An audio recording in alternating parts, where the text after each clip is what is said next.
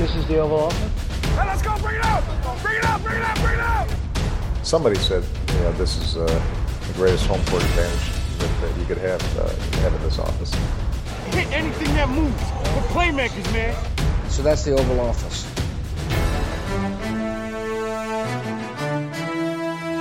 Velkommen ind for her i det ovale kontor. Vi er op til her onsdag den 11. august. Klokken den er lidt i fem om eftermiddagen. Hedder Mathias Sørensen, og med mig har jeg som altid Anders Galtoft. Hej Anders. Hej Mathias. Og Mark Skafte Våben går også med os. Hej Mark. Hej Mathias. Og så er det faktisk det. Thijs Joranger er ikke med i denne omgang. Øhm, eller i hvert fald, hvis du hører det her, så er hans stime brudt. Hans mere end tre år lange stime på at være med i samtlige det kontorprogrammer er brudt. Og øh, det blev den jo sådan set for nylig, men så gik det program i vasken af forskellige tragiske årsager, og så fortsatte hans stime jo. Men nu er den altså slut, i hvert fald hvis du hører det her. Det går jeg stærkt ud fra, at du gør. Um, så det bliver øh, os tre, der klarer den i dag, og det betyder også, at du kommer til at høre lidt mere fra mig. Og det må du så øh, leve med, eller så må du stoppe nu.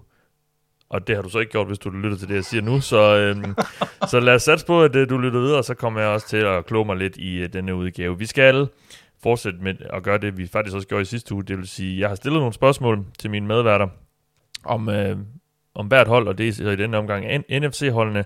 Og øh, fordi at Thijs jo så ikke er med, så er jeg også genstand for nogle af de spørgsmål, og dem har jeg så overladt til øh, Mark og Anders. Så øh, det er altså ikke kun mig, der har stillet spørgsmål i dag, men vi skal fortsætte den her øh, spørgeleg i dag, øh, hvor vi jo kommer til at tage nogle forskellige snak om holdene. De, de spænder bredt, de her spørgsmål. Det kan både være øh, om selve holdet, eller om nogle enkelte personer, træner, quarterback osv. Så, videre. så det er jo sådan for lidt at, at gå i møde, hvad der måske venter de her hold, eller hvad det store spørgsmål de her hold er i år. Det er i hvert fald et forsøg på det. Der er også et par punkter på nyhedsrunden, vi skal tage, fordi der har været lidt på store kontraktforlængelser. Øhm, også en her i dag onsdag, vi kan snakke lidt om, eller et par stykker her i dag onsdag, vi kan snakke lidt om.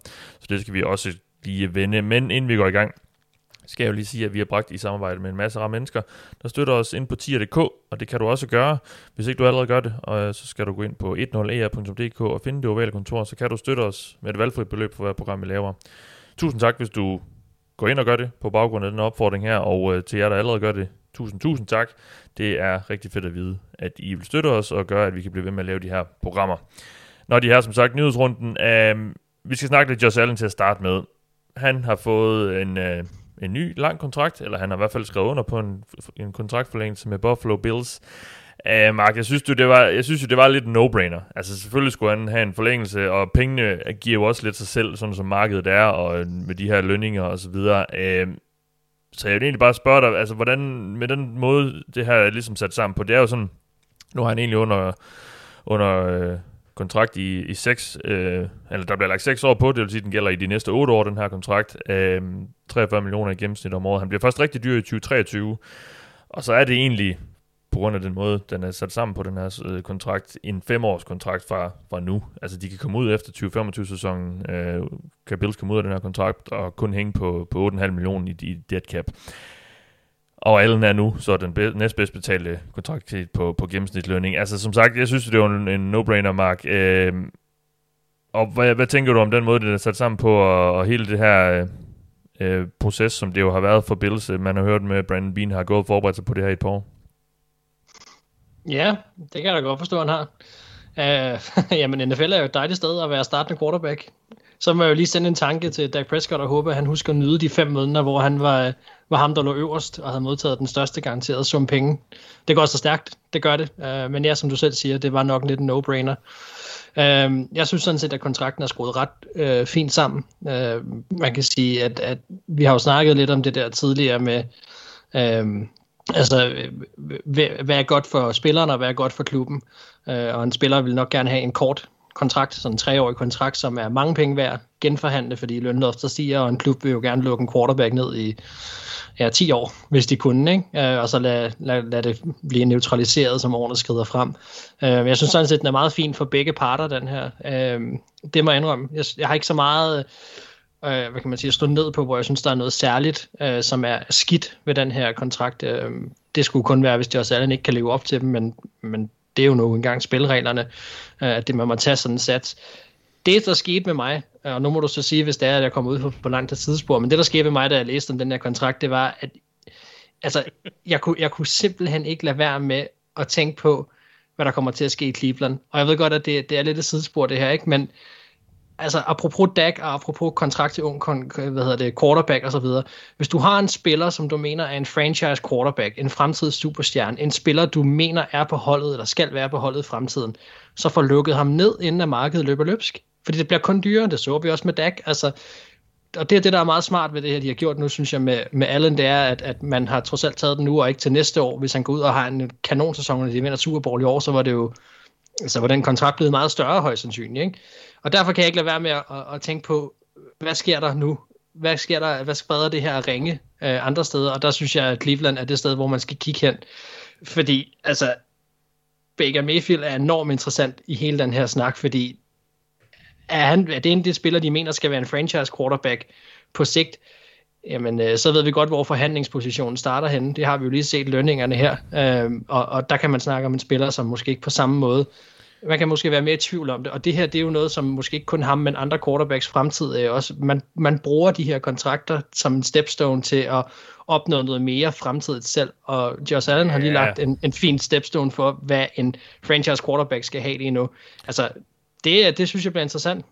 Ja, altså, det der med, de kun burde tage tre år, så jeg, der er jo egentlig også noget sympatisk over, at de, de tegner en længere kontrakt, og den her vil jo nok også, de har meget lange kontrakter, også med Holmes, vil jo nok ende med at blive omstruktureret ned ad vejen og så videre, men altså, jeg tror da også, at de vil man... have noget sikkerhed, også selvom der ikke er sikkerhed i otte år frem for Josh Allen nu, altså, det er der jo basically kun i fem år, eller det er der, det er der jo heller ikke, men de, han hænger i hvert fald, eller han får i hvert fald en masse penge, uanset hvad de næste fem år. Øhm, så jeg synes, det, det, det, men... det er fint nok. Altså, men, men nu siger du det her med, at de, de jo, det er jo klogt, at de får, det, får lavet de her kontrakter. Det tror jeg også, de synes i Philadelphia og, øhm, og Los Angeles, dengang de gjorde det med henholdsvis Carson Wentz og Jared Goff. Det har de så mm. nok mhm. fortrudt siden. Altså, jeg synes, der er også et eller andet i det her med Allen. Vi har set et rigtig godt år fra ham. Mm. Um, men, det, men det er jo et sats på begge øh, ledere og kanter, kan du ikke ja. sige? Altså, det, det er jo, fordi hvis du vælger at sige, ved du hvad, vi samler din option op, du får lov til at spille ud, vi er ikke helt sikre. Øh, og så finder man ud af det pludselig, at det er vi. Det er en franchise quarterback. Hvis du så skal til at forhandle, så går de jo til forhandlingsbordet og siger, jamen, øh, I mener, jeg er en franchise quarterback, så skal jeg også have det her. Og, og det kan ende med at blive meget dyrere, end hvis man måske havde, havde taget den så snart man kunne. Øh, men det er, da, det er da rigtigt, det er da et sats. Vi har da også set, set langt flere eksempler, hvor det også er gået den anden vej. Øh, og der må Bills jo så også bare lige nu håbe på, at Josh Allen så ikke er en af dem. Men, men det er en, et, et, hvad kan man sige, et, det er et dilemma, klubberne står overfor. Men hvis man har som Josh Allen noget, man mener er en, er en no-brainer, og en spiller, hvor man siger, at vi skal have ham her på holdet, ligegyldigt hvad der sker, så får lukket ham ned. Uh, og hvis du er i tvivl, så kan altså, det luk, Når du siger luk ned, så mener du lavet en kontrakt? Så får lavet en kontrakt, ja. Så ja. sørg for, at der ikke bliver nogen tvivl om det. Sørg for, at, ja. at han ikke bliver utilfreds på noget tidspunkt, men sørg også for, at han ikke snuser til et marked, som får lov til at leve et år mere, hvor nogle nye kommer ind og sætter en ny rekord for, for hvad der nu skal betales for en franchise quarterback, fordi det er de tal, de alle sammen går til bordet med jo, og det gælder jo alle positioner. Så vil, så vil det jo være til evig tid. Det er præcis. Der, der, er et højt, der er et rekordtal indtil der bliver sat en ny. Altså sådan er det jo bare, når, når pengene får flere og flere, øh, eller når holdet får flere og flere penge til at betale lønninger med. Sådan er det jo. Lige præcis. Ja. Øh, nå, lad men, jeg vil så, ja. men jeg vil så sige det der med, at min pointe er det der med, at man, altså det er jo sådan en Kirk Cousins kontrakt for eksempel, hvor man siger, at du er garanteret alle pengene, men for en kortere periode. Og der tror jeg, at der er rigtig mange quarterbacks, som gerne vil have. De vil nok gerne have tre år, hvor de siger, at du er garanteret 80 millioner, eller 90, eller hvor meget det er.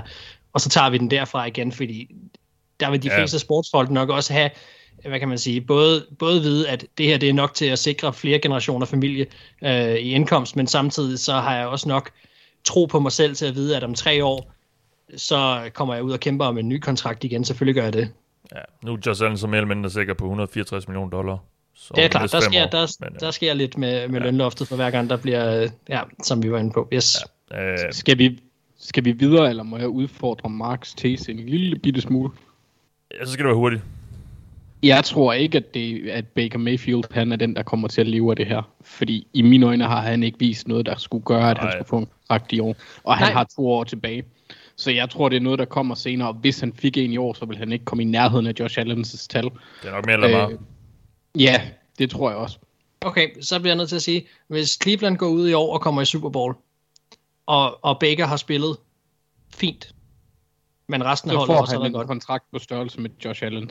Det- altså, Okay. Det havde du også sagt om Joe Flacco dengang, at det kommer ikke til at ske. Prøv at, hvis, hvis ja, Cleveland Browns men går ud og laver en, den kontrakt.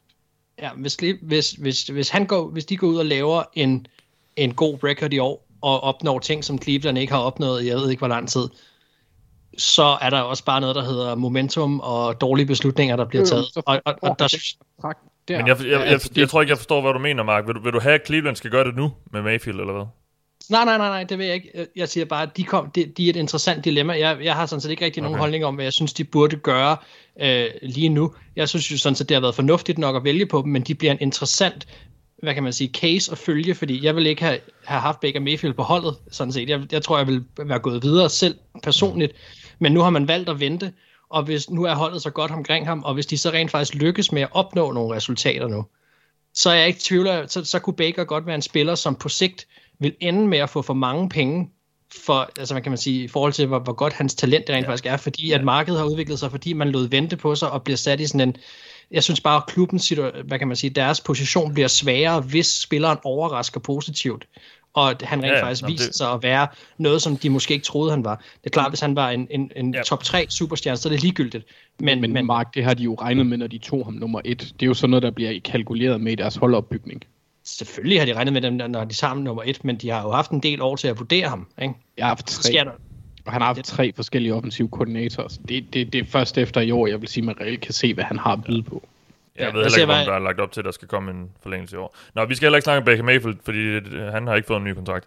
Det har. Darius, det har Darius Leonard til gengæld, um, linebackeren for Indianapolis Colts, der har skrevet under på en femårig forlængelse til en samlet værdi af 98,5 millioner dollar. Det gør ham altså til den bedst betalte linebacker i NFL. Uh, nok primært fordi, at han skrev under på sin kontrakt efter Fred Warner gjorde det for nylig, øh, fordi han får lige lidt mere, end Fred Warner gør i 49ers. Darius Leonard her, og det ved jeg ikke helt, om jeg synes, han er værd, Anders. Øh, Fred Warner er i mine øjne noget mere komplet linebacker, ikke mindst øh, noget bedre i opdækning, som er det, man sådan set kan, øh, at, at, at der er mest brugbart. Og, øh, Ja. Jeg synes du, han er alle de penge her værd? Ikke umiddelbart. Altså, han er en rigtig god spiller. Det, nu, nu skal vi ikke tale ham ned. Nu bliver han sammenlignet, vi sammenligner ham med den bedste linebacker, eller en af de bedste, hvis ikke den bedste linebacker i ligaen i Fred Warner. Så, så det er også, han er opad meget, meget højt niveau, men han, han mangler lidt, synes jeg, i forhold til, til kastet, som du nævner. I, i, jeg ved, om han er det værd. Øh, jeg vil nok sige nej. Ja. Øh, havde han spillet for Ravens, så havde jeg nok sagt ja. Øh, så det er, det er sådan lidt en spøjse del af det. Men, men øh, altså, han er en god karakter at have på det hold. Han har en, en vanvittig arbejdsmoral, men han mangler lidt på banen, før at jeg synes, at altså, uanset hvad, vil jeg næsten synes, hvis vi lige ser bort fra Wagner, der er så god all-round, at omkring 20 millioner for en middle linebacker i nutidens NFL er vanvittigt. Øh, jeg kan allerede, jeg kan huske, altså, da han kom ind som rookie, og han blev valgt som Pro Bowl, er han tackle-maskine, og All Pro tror jeg vist også, han har været et par gange, tackle-maskine, men selv dengang var Ja. Thijs jo også efter ham. Ja. Nu, hvor han, han skal, selvom han ikke er med, så skal han jo lige nævnes. Øhm, og jeg tror lidt, at den her kontrakt vil jeg lidt sammenligne med den, som CJ Mosley fik for, hvad er det, to år siden nu? Ja, i Jets. Ja, hvor det også var, der var det, han endte med at få 15-16 millioner eller sådan noget som middle linebacker på det tidspunkt, hvor det også var for meget i forhold til, hvad han bibringer. Ja. Så, så jeg synes, det er for meget. Jeg synes, jeg synes ikke, han, altså, jeg synes, det er lidt for meget for ham. Men, altså, de har pengene til at gøre det lige nu. Ja, Øh, og så, så øh, jeg, han, han altså, bliver først rigtig dyr i 2023. Øhm, Ja, og, men og nu de ved kan jeg også ikke- komme ud efter de kan faktisk komme ud af kontrakten efter 2023 med et dead cap hit på kun 8 millioner. Så, så det er reelt kun en, en treårig kontrakt, det her jo. Ja, så altså, det er, jo, det er jo fint at give ham nogle penge i for, fordi han har spillet godt, og han er en af holdets centrale brækker, også på ledes, ledersiden lige nu. Ja. Ja. Øhm, så med den opbygning, de har lige nu, giver det mening. Jeg synes bare, det, altså, isoleret set er det mange penge for en middle Ja. ja. linebacker. Men de næste tre år kommer han så kun til at snitte omkring, ja hvad er det så, 13-14 millioner. Og det er jo ikke Øhm, galt. Nej, det er jo ikke så galt. Så det er jo først, det er jo først efter det her, det er først efter, at han faktisk kan, kan cuttes rimelig billigt, at han bliver rigtig dyr. øhm, hvilket jo så han nok er lidt træt af. Men det er jo nogle gange sådan, det er i NFL med de her kontrakter, der jo ikke er, er fuldt garanteret. Øhm, lad os lige blive i Indianapolis, fordi de har også her onsdag øh, givet nogle flere forlængelser. Godt nok ikke til nogle spillere, men til gengæld til head coach Frank Reich og general manager Chris Ballard, som nu er under kontrakt frem til og med 2026-sæsonen. Øh, hvad synes vi om det, Anders? Altså, øh, det, var, det var heldigt, at du fik stillet AFC-spørgsmålet i sidste uge, øh, vil jeg mene. Ja. I forhold til Colts. Om, om det var et, et knald eller fald over for Ballard, og øh, om de havde satset alt på Carson Wentz. Det virker det ikke til, de har, kan man sige. For, altså, jeg synes, det virker smart, altså fornuftigt, i forhold til øh, både en god GM, øh, god træner. De mangler quarterbacken. Nu får de måske lidt mere ro på og tid til at finde en, de kan ja, fostre op fra bunden. Ja. Og jeg spurgte dig jo i sidste uge, om, om han havde sat sig sit job. Frank Reich, ja, jeg tror det var dig, der, altså netop med, ja, ja. med, med Carson Wentz. Det lavede så ikke til, at øh, de synes det er i Indianapolis. Nej, på ingen måde. At, øh, øh, at, at han ligesom hænger på ham, at de to hænger på hinanden. Nej, slet ikke. Øhm, så det var også det, det, jeg pointerede med, at det var smart af dig lige at, ja. at stille det spørgsmål. Øh, I sidste uge, der er du meget forudseende i forhold til relevans, kan man sige. Så altså, det var også det, jeg sagde der med, at jeg har en fornemmelse af, at Jim Mercy, han var øh, slemt glad for, for de to. Så det giver god mening, og det er også svært at finde så sund en, øh, en duo på, på træner- og GM-posten. Så det, det, altså, du finder ikke noget, der er bedre ved at fyre dem, øh, eller gå ud og lede efter noget andet. Så jeg synes, det er smart. Ja.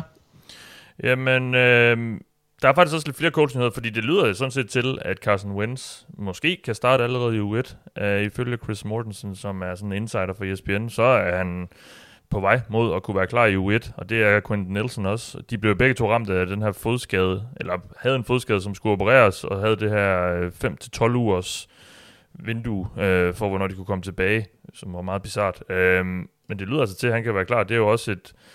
Så kan de jo on, on lettet lidt op i Indianapolis. Anders?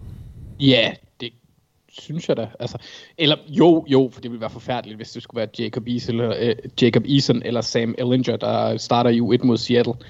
Øhm, ah, det er stadigvæk svært for mig at sige. Øh, det kommer an, hvilken procent er de tilbage på. Øhm, men, men ja, det er mere, hvad kan man sige, optimistisk end øh, om 12 uger eller hvor lang tid det nu er, altså, så kommer vi jo et godt stykke ind i sæsonen. Ja. Øhm, så, og det er nok jo, også det, stadigvæk altså, lidt tvivlsomt. Der er jo trods alt en lille måneds tid til stadigvæk, men altså... Ja, ja, og det, og det, men, men altså, hvis de får begge to tilbage på 90 procent, nu ved jeg ikke, hvor man nogensinde kan sige, en NFL-spiller er på 100. Nej. Men, men, men sådan at, at risiko for, for at forværre skaden eller genskade sig er relativt lille, så bliver det jo godt for, for Colts, fordi Quentin Nelson er en klar opgradering, uanset hvem der bliver smidt ind på venstre guard. Han er en af de bedste. Og Carson Wentz, han skal bruge alt det, han kan for at komme ind. Altså alt det spilletid, han kan få for at komme ind og, og vise, at han er ikke er det, vi så sidste år. Ja. Nå, vi bliver lige hængende ved dig, Anders, fordi her i preseason og, og camp-perioden øh, kommer jeg til at bede om at, at have en, øh, en lille observation med, eller en historie med, som du har bidt mærke i fra den seneste uges tid, fra, fra training camp eller, eller preseason her. Nu er der så kun blevet spillet en preseason kamp, og det var ikke rigtig en ægte preseason kamp, men altså hvad, over den seneste uges tid, hvad har du bidt mærke i der?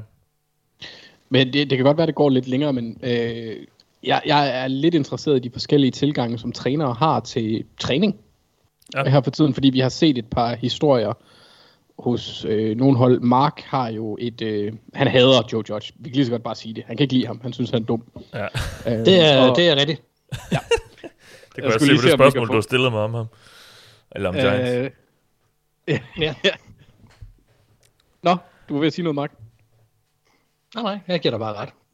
Ja, altså, der har jo været en, en række spillere, der, der har, øh, jeg skulle lige til at sige, stillet træskoen. Det har de ikke. Stillet, øh, hvad hedder det, fodboldstøvlerne på hylden og gået på pension. Ja. Øh, nogle af dem, øh, som Joe Judge sagde, er personlige årsager. Men det er lige påfaldende, at der falder fire, øh, hvad hedder det, pensioneringer inden for meget, meget kort tid. Øh, det synes jeg er lidt spøjst, og der har været rygter om, at han har en relativt gammeldags tilgang til træning, og det er lidt hårdere, det er lidt mere spøjst. Øh, så jeg er lidt spændt på at se, hvordan det udvikler sig. Nu er jeg jo lidt mere positivt indstillet over for ham, men ja, altså, fordi at han har en lidt mere, øh, han har den der special teams baggrund, det kan jeg sgu egentlig godt lide. Øh, så, så jeg er spændt på at se, hvordan det udfolder sig, om det er noget, der er holdbart. For vi har set, øh, hvad der sker med trænere, hvis de ikke er villige, hvis det her det ikke virker, hvis det ikke er noget, truppen kan, gider. Øhm, ja. Og træneren ikke er villig til at ændre på det. Bare kig i Esbjerg. Ja. Han skrev ja. så i dag, men... Nej, er han stoppet? Nå, okay. Ja, ja. ja. Jamen, det var da også på tide. Det var mærkelig, mærkelig, mærkelig saga. Ja. Øhm, vi så, John Harbaugh, han havde jo også problemer med det her, da, hvad hedder det, Baltimore vandt Super Bowl, det år de vandt Super Bowl, hvor at der nærmest var et oprør. Men det formod han at håndtere godt at komme frem efterfølgende. Og ja. så den anden observation, jeg har i forbindelse med alternative træningsmetoder, det er min, mit hadningsobjekt nummer et i år, Urban Meyer. Og øh, jeg ved ikke, om man kan sige, det er sådan en decideret træning, training camp, isoleret set. Det, det er mere, hvordan det holder også, når det, når det går frem efter. Fordi de rapporter, jeg har hørt, og, og dem, de uh, beat writers, eller ikke beat writers, men rapporter, der har dækket blandt andet uh, Lindsey Jones fra The Athletic, hun fortæller nogle ret spøjse observationer uh, i forhold til, hvordan han tilrettelægger træningen. Der virker meget ja. college -agtigt. Ja, det hørte jeg godt. Ja, ja okay. Øhm, og, og det synes jeg bare var, var, var spændende i forhold til de ting, vi har set, og, og det man altid snakker om, når der kommer en college-træner ind i NFL, om de kan omskifte, altså om de er i stand til at vende sig til NFL-livet, om de kan ja, ja, altså skifte retning, for det er nu engang nødvendigt, når du skal til at arbejde med voksne mennesker, mænd, voksne mennesker, det kan man også kalde dem, øhm, og i stedet for øh, unge drenge, som det er på college, hvor du har al kontrol.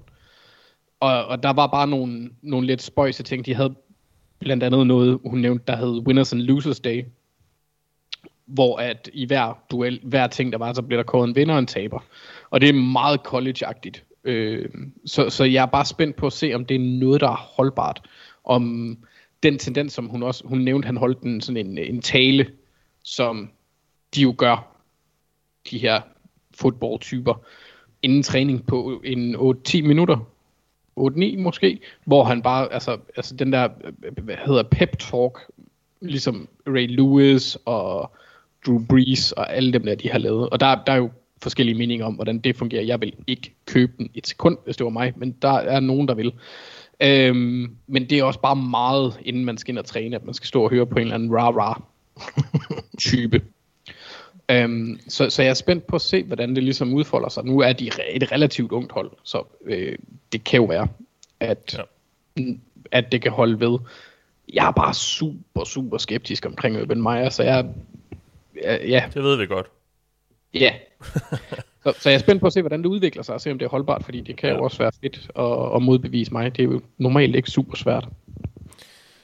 Yes, jamen så lad os uh, gøre det, som vi er samlet for at gøre. Altså svare på nogle spørgsmål og øh, have nogle snakke om NFC-holdene. Vi har et spørgsmål klar til hvert hold, og vi kommer til at gå, gennemgå dem i divisionerne, ligesom vi plejer at gøre. Vi starter i øh, NFC South, og vi starter i Atlanta. Mark, jeg har spurgt dig om, øh, eller jeg har stillet dig et spørgsmål, og den første del af spørgsmålet er ikke et spørgsmål, så det nævner jeg lige først. Øh, jeg, jeg har skrevet til, at Falcons er i kraft af Matt Ryans alder i win-now-mode. Kan Arthur Smith allerede i år gøre holdet til contender? Øh, det skal man jo i hvert fald håbe på i Atlanta, øh, men jeg tvivler. Og det er på trods af, at jeg faktisk har et ret godt øje til, at de kan lave noget ravage, eventuelt komme i slutspillet også.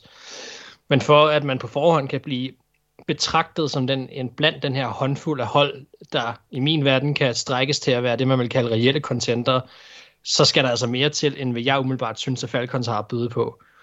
Deres angreb kan blive rigtig godt, det kan blive underholdende, øh, og man kan sige, man gør, det til, gør dem til contenter.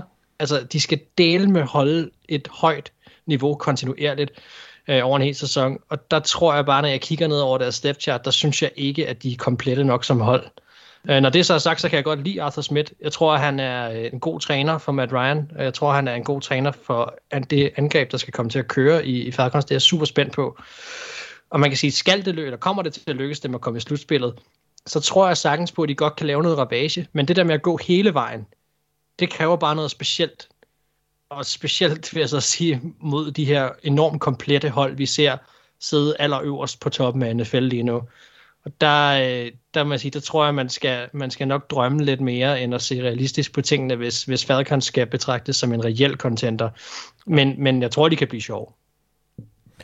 Ja, jeg hørte også en podcast for nylig, hvor der var en, der har været til Falcons' camp, hvor altså, de er stadigvæk ved at installere det her nye angreb, så, det er jo ikke, så de går altså ikke og bruger training camp på at finpudse noget, men det er stadigvæk ved at altså det er stadigvæk Arthur Smith, der er ved at, at få det her nye angreb kørt ind, så mm. forventningerne skal nok ikke være kæmpe store i år, var i hvert fald meldingen på baggrund af det. Jeg tror, det var uh, en, ath, en athletic podcast. Um, altså, der det, det der... I. Så, så, så ja, det, det er nok for tidligt at forvente allerede i år, men altså, ud og tigger jo med Matt Ryan. Jamen, det er der ikke nogen tvivl om. Det er et godt stykke tid siden, at jeg fik nævnt i en podcast også, at jeg faktisk havde et godt øje til Falcons i år til måske at lave mere end, end hvad folk forventede. Men jeg synes, nu er det begyndt at vende lidt. Nu hører man flere og flere snakke om det også. Øh, men, men altså, det, det er en af de argumenter, jeg i hvert fald havde for det, også på det tidspunkt, det var, at deres division, division er mere åben, end den har været længe. Øh, Saints øh, er ikke det Saints hold, vi har været vant til at se. Det box er, hvad box er, men, men Saints er ikke det hold, vi har været vant til at se. Så lige pludselig, så det der med at komme i slutspillet og ramme noget form senere på sæsonen, øh, kan måske faktisk være nok til, at de kommer indenfor, og så skal de jo så ramme den virkelig meget de sidste par kampe, hvis det skal, hvis det skal batte, men, men det er jo noget af det, der kan være interessant. Jeg tror ikke, de på samme måde internt i divisionen i hvert fald skal, de har en større chance, det er det nok det er bare der på at sige, for at, at, at sætte sig i en position derfra til at komme i noget wildcard, eller for i hvert fald at have en chance for at gøre noget. Øhm, og, og det er jo noget af det, som man kan sige, så, så er det måske okay, at de rammer formen lidt senere øh, på sæsonen, end, øh, altså at de lige får installeret noget angreb, prøvet nogle ting af, og så rammer formen. Men, øh, men altså ja, de skal, være, de skal være heldige også. Yes, vi går videre til Panthers, og det er øh, tid til at, at vende øh, det hele lidt på hovedet, fordi nu er det mig, der skal svare på et spørgsmål. Jeg kan forstå, Anders, det er dig, der har stillet det. Ja, og det var, det var simpelthen, fordi jeg synes, vi har snakket en del om, om Sam, Sam, Dar- Sam Darnold. Jeg skal bare kalde ham Dick Hammer Jr. Ja, jeg skal sige, det er jo ikke hans navn, er det? Nej. Øh, og så, så ham gad jeg ikke at spørge dig om, selvom det nok er det mest oplagte. Det er nok ham, der er mest interessant at følge i forhold til, hvordan, altså, hvilken indflydelse jeg har på holdets succes.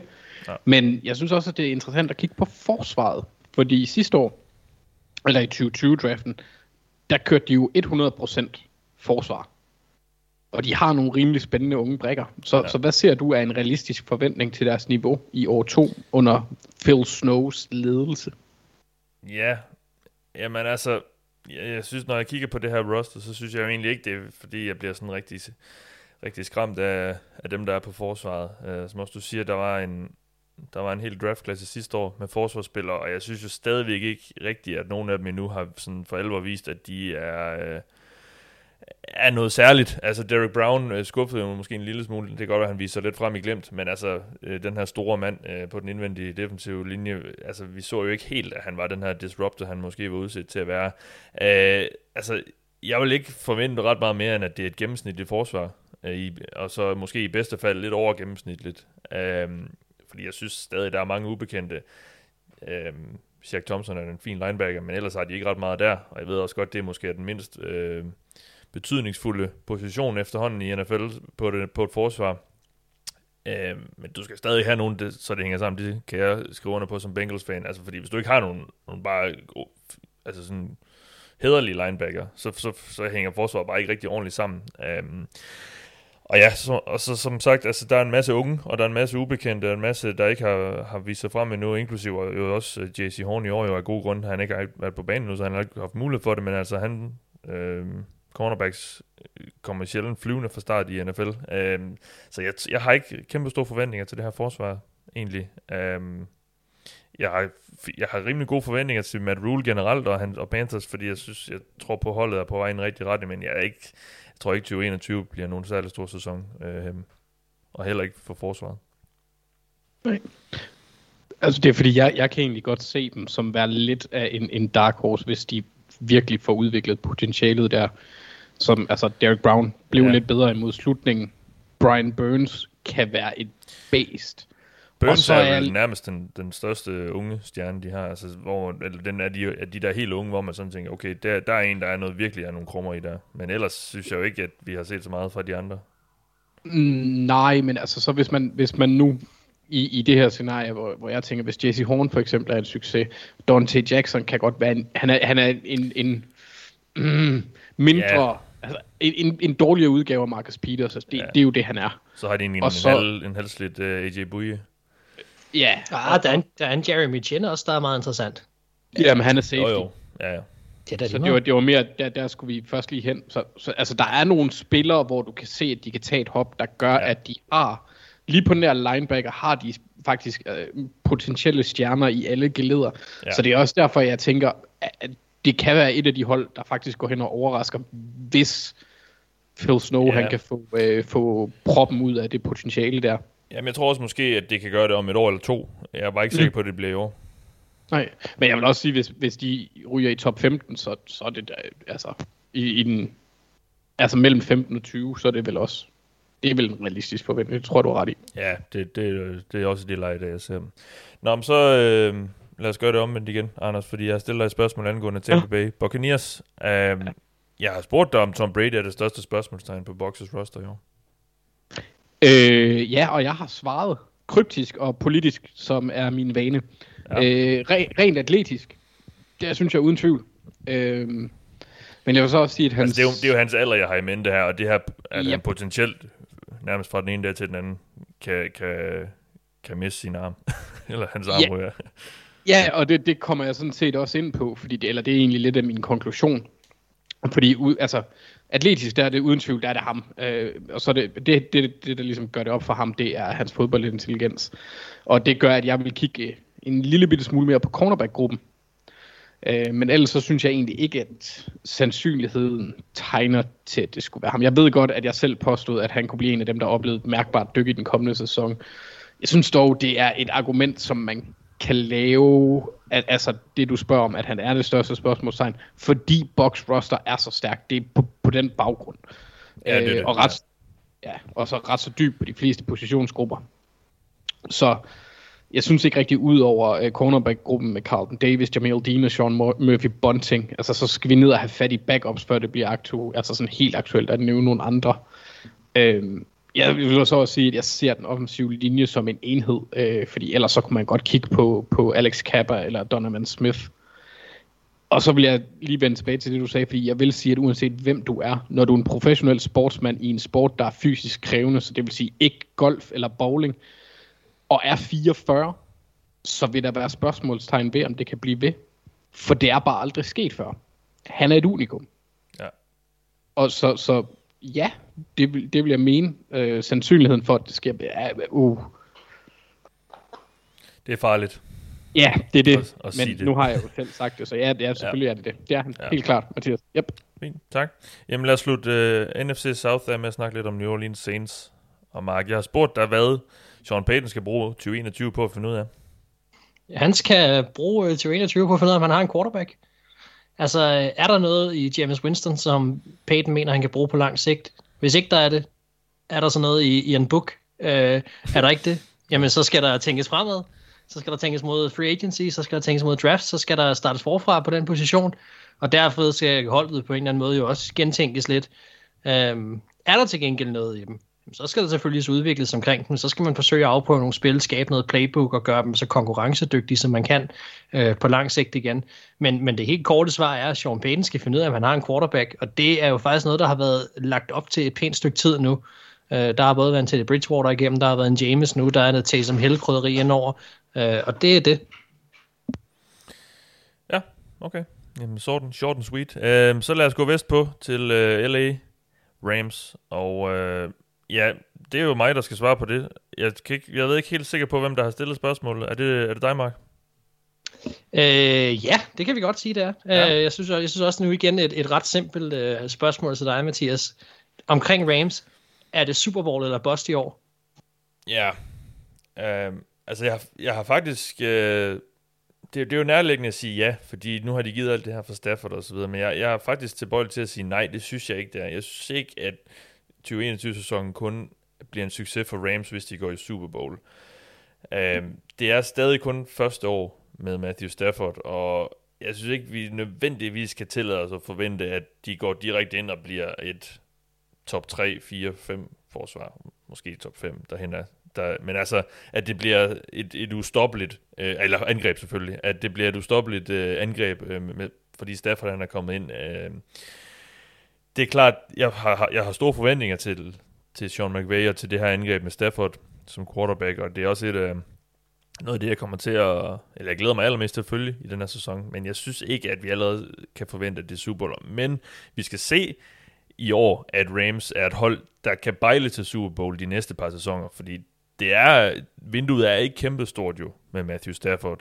Så vi skal ligesom have nogle indikationer i år på, at, at det kan blive til, til noget helt stort, før det kan være en succes. Altså at, øh, bliver det så sådan noget wildcard-runde øh, exit, så ved jeg ikke, om jeg synes det altså så, så bliver det lidt noget bust. Men jeg, jeg synes ikke nødvendigvis, de behøver at gå i Super Bowl, for, for, det, er, for det er en succesfuld sæson. Øh, nu, jeg, jeg får lyst til lidt at, at følge lidt op på det, øh, og, og du må undskylde, hvis jeg tager dig lidt på sengen i det det er også færdigt, hvis du ikke lige kan svare på det sådan, men, men hvor mange hold, eller vil du kunne nævne nogle hold, hvor du tænker, øh, det her, det er Super Bowl eller bust i år for dem, fordi, altså, der er jo flere af de hold der, synes jeg, hvor man også godt ville kunne sige, vi skal i hvert fald op og bejle til, hvis det ikke det bliver i år, så skal det måske blive næste år. Altså sådan, er der, er der reelt set, altså kan man sætte den tese op overhovedet om Super Bowl eller bust, eller er det bare, ja. altså...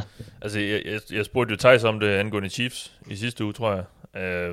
Og jeg også mener, han sagde ja, og det er måske også et af de få hold, altså det, så er det sådan noget Chiefs og Box måske, men altså, der kan Packers. jo ske så meget, der kan jo ske som, ja, Packers måske, ja, det ved jeg ikke, jo, jo nok efter de to NFC-finaler.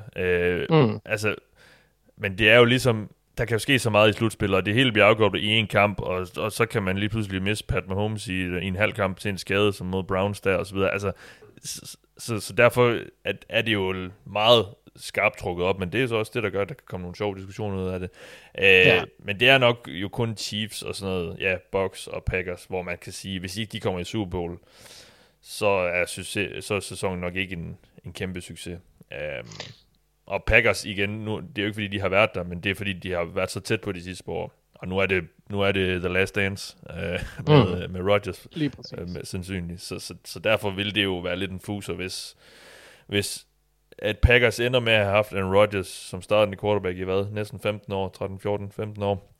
Og så kun har vundet en Super Bowl. Det tror jeg, at de fleste vil synes var, var for lidt. Ja. Jeg vil, jeg vil måske også smide Bills ind på den, fordi de nåede til, var det ikke finalen? De var AFC-finalen sidste år. Jo. Altså, Se, det, det er jo meget det, interessant, det, at det får afføder lidt op de, der, de diskussioner, hvor de her hold bliver smidt ind. Altså nu nævner du Bills jo også, ikke? At, mm. et eller andet sted, så, så tror jeg måske bare, at man skal tage det der Super Bowl eller Boss som sådan en idé om, at de hold, der kan blive nævnt overhovedet bare til at være taget betragtning til det der spørgsmål, det hold, som man mener er hvad kan man sige, så langt op i hierarkiet, at, øh, at man i hvert fald har store forventninger til dem. Men det der Super Bowl, det også, jeg er jo enig i, at det også er lidt skarpt. Nu stillede jeg jo selv spørgsmålet, men det er også mest for at provokere lidt at høre, om der, hvad, ja. hvad kommer der ud af det, fordi det er, som du selv siger, enormt skarpt øh, sat op. Men det er, men, men der, ja, se, undskyld Anders, jeg afbryder dig. Nå, nej, det var egentlig mig, der var ved at afbryde dig. Øh, men det var også fordi, jeg vil sige, der er forskel på at sige, om man tror, et hold kan, kan vinde Super Bowl, eller om et hold bør Ja, ja. Fordi med, med, hvis de går ind til sæsonen og er så stærke, som man forventer, som eksempel Box Chiefs, øh, måske også Packers, på grund af alle de ting, Mathias han også nævnt, og, og Bills i forhold til, hvor de var sidste år, og hvis de så skal, altså man vil jo helst ikke regne, øh, altså fordi de også er så solidt et roster, og man må håbe med de penge, han har fået, at Allen fortsætter sin gode udvikling, øh, eller bare stagnerer på den, han havde sidste år, det ville også være fint, så, øh, så er det jo også et hold, man vil forvente, men sådan for eksempel for mit personlige synspunkt, der vil jeg jo ikke sige, at Ravens er blandt den, men jeg tror stadigvæk godt, at de kan vinde mm. Super Bowl. Ja. Men, men jeg vil ikke sætte dem som, at det er Super Bowl eller bust. Jeg vil sige, Super Bowl vil overraske mig, men Nej, og jeg tror også, er der. Altså, før, før jeg vil sige det angående Rams, så tror jeg også, jeg, jeg vil stadigvæk skulle synes, at de skulle have et bedre roster, hvis det var Super Bowl eller bust. Altså, fordi jeg synes jo, Ja, der er jo, på forsvaret er der jo ikke øh, sådan mega meget andet end Aaron Donald og Jalen Ramsey. De er så også to af de bedste på deres position, og, og, og de positioner er nogle af de vigtigste positioner at have gode spillere på. Og, og forsvaret var absurd godt sidste år, men det kan vi jo ikke forvente, der i år. Så, og der, jeg tror at måske lige, altså en, en halvgod draft-overgang øh, de, øh, på det her roster, så, så, så er vi hen ved Super Bowl eller Boss, fordi så er, vi, så er de ved at have et ret komplet hold, tror jeg. Men, men de bliver jo ikke draft, tænk Mathias. Nej, det, Nå, nej, man kan, jo godt, man kan jo godt ramme på spillere i de lavere runder, selvom man er det kan første runde. Men man, man skal nok, kan man nok kontrollere lidt ud for det her, ud i det der, hvor at man, altså ligesom dengang Denver hentede Peyton Manning, og Bucks hentede Tom Brady og så videre, du ved, dem der, hvor du har... Ja, hvor du virkelig går det, all in. Det er sidste skud, og man ja. samler et hold omkring det, så kan man sige, der er offret og investeret så meget i det her, og det er, at man ved, at man har et år eller to, eller hvor meget det nu end må være, ja. Og så kan man sige, hvis ikke man når det, jamen så, er det jo, så har det været spild på en eller anden måde at gøre det, ikke? Fordi det var det her, der var... Det ikke, altså, det, der var intet andet for øje end ja. kun det. Og jeg vil også næsten sige, fordi at Box vandt Super Bowl sidste år, så er jeg ikke sikker på, om jeg synes, det er Super Bowl eller Box for dem i år. Fordi de har lidt fået det, de ville have ved at Ja, det er lidt et frikort i år, ja. Altså, nu er der ikke så meget pres på. Der har været mega meget pres på, hvis de, hvis de gik ind til den her sæson og var røget ud, eller havde tabt Super Bowl sidste år, eller var slet ikke var kommet i Super Bowl, øh, så havde der ja. været mere pres på Men jeg er ikke engang sikker på, at jeg synes, at deres sæson ville være en katastrofe, hvis de gik i Super Bowl i år. Jo, de har holdet, og det var et Super Bowl-vindende hold, de, de sender på banen igen. Eller 22 mand. Men nu har de ligesom vundet det, så altså, ja. Jeg er fuldstændig enig. Øh, nå, men lad os gå videre til San Francisco, og Anders, jeg har et spørgsmål til dig. Jeg har spurgt dig om uh, Fort Niners' fokus i 2021 udelukkende bør være på at klargøre Trey Lance? Ja, og mit korte svar, det er nej. Det synes jeg bestemt ikke. Nej, okay. Ja. Fordi, Fordi altså, og, lidt... og det synes jeg også er lidt interessant, og undskyld, jeg afbryder men det er jo, grund til, at jeg vil også spørge dig om det her, det er jo fordi, de har jo sådan set stadig et hold, som ikke øh, er ret langt fra det, vi så bare i Super Bowl for et par år siden. Mm. Og, og det er egentlig også min baggrund for at sige nej, fordi de, altså, de er et af holdene fra NFC, jeg ser som at have en reel hævende, en reel chance for at nå Super Bowl, som du siger. Altså Garoppolo er ikke en forfærdelig quarterback. Og han, altså, han kan tage dem dertil, det har han jo vist. Øh, hvis de så samtidig undgår nogle af de skader, de havde sidste år, så kan forsvaret stadigvæk godt blive ret godt, selvom de har mistet lidt. Øh, men jeg vil mene, at ingredienserne er der til en stærk sæson med Garoppolo bag center. En center, der sveder enormt meget godt nok, men øh, stadigvæk en rigtig, rigtig god center. Øh, så i mine øjne er der kun tre scenarier, hvor Lance bør komme på banen, og det er et, hvis han viser sig at være den bedre af de to, det er klart, så skal han på banen. Øh, hvis øh, Jimmy og hans flotte ansigt bliver skadet, så skal han på banen. Og hvis holdet kommer ud og får en dårlig start i starten af sæsonen, altså taber rigtig meget og har brug for en gnist for ligesom at vende den, så skal han også på banen. Men, men overordnet set, så synes jeg bare, at 49ers er for godt et hold til at have så ensidigt, om man vil, fokus i 2021. Altså, nej, de, de, de, de har man kan sige, de har kvaliteterne til at kigge flere steder. Så de skal fokusere på at vinde. Ja. Det må, ja, godt, det må, det må være godt lidt et dilemma for, for Shanahan. Altså fordi han vil jo sandsynligvis ret gerne have Trey Lance i gang så hurtigt som muligt. Mm. Men, øh, og, og Jimmy G ved, at han er på vej væk. Så, ja, ja. så hvordan, og, hvordan ja, gør man lige det? Ja. Jeg kan også godt se et, et, et fjerde scenarie, det er, at hvis der kommer en eller anden skade, ligesom vi så, da Vikings de traded sig til Sam Bradford, Øh, hvis der kommer en eller anden skade til en quarterback, og de så kan få noget for Jimmy, så giver det jo også fin mening. Øh, men i min optik, og det tror jeg egentlig også, at man generelt man siger, altså spillerne de kender kvalitet, så hvis det viser sig, at Jimmy er den bedste, og de starter Trey Lance, så vil de nok undre sig lidt. Men hvis han ikke er, og hvis det er tæt, så er det Lance. Det synes jeg. Ja, okay, spændende. Jeg spurgte jo, øh, jeg spurgte ud på Twitter i går tirsdag, øh, mm. nogle, til nogle forskellige fangrupper, og til Fort Niners fansene, fansene spurgte jeg blandt andet om den her quarterback-position, og der var også en lidt delt mening om, hvad man burde gøre, at, fordi Jimmy G jo stadigvæk ja, har vist sig, eller har vist sig for nylig at være et hold, der kan jo tage holdet rigtig langt. Han har så været rigtig meget skadet. Så det er sådan lidt, jeg fornemmede måske egentlig lidt, det var sådan en win-win for fansene, fordi enten har man Jimmy G, som man ved, hvor man ved, man får, eller også er Trey Lance så god, at han kan slå Jimmy G af pinden. Så, ja. Det er vel også en, en win-win for dem. Altså, ja. Med mindre de begge to viser sig at være pisse dårlige. så, ja, så jeg ved jo bare ikke, om jeg vil...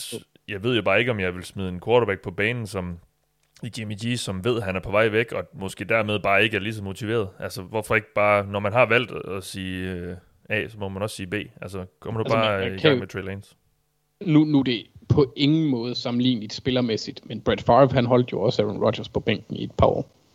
Ja, ja. Så Jimmy G, han kan jo også tage den der øh, competitive tilgang, hvor han siger, det her er min plads, du skal, ja. du skal tage den. Så hvis han bare, bare baller ud, så er han jo sikret på, at der er et hold, der vil gå ud og hente ham og give ham en stor kontrakt også.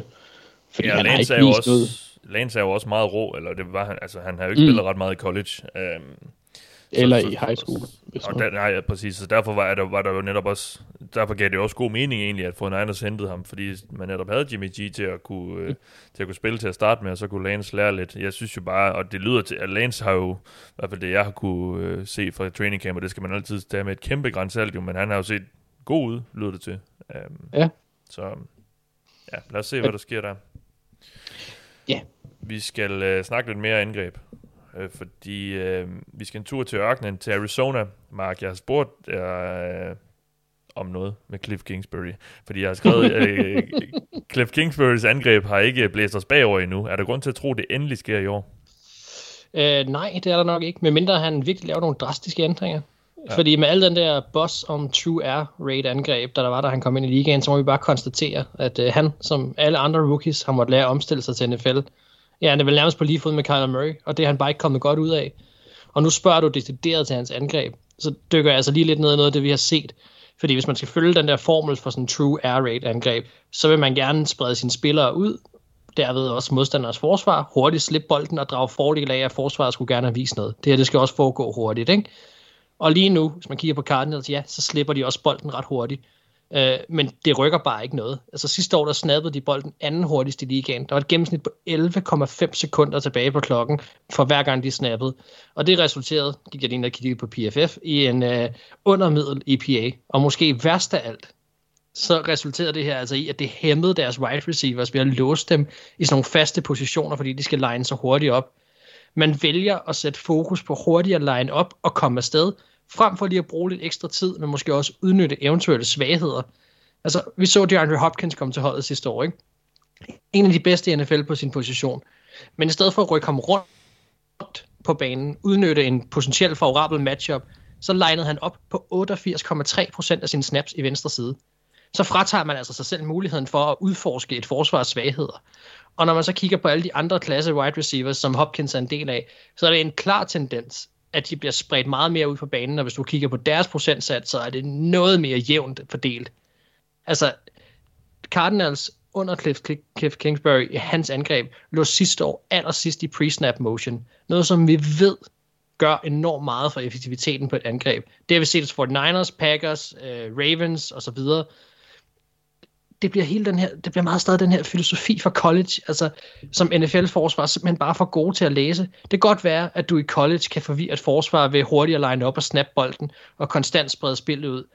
Men du kan bare ikke overføre det direkte til NFL, og det har vi måske hele tiden vidst. Det spændende ved Cliff var bare, da han kom ind, om han kunne finde en eller anden gylden middelvej, som kunne fungere i NFL, så vi kunne se nogle af de her ting.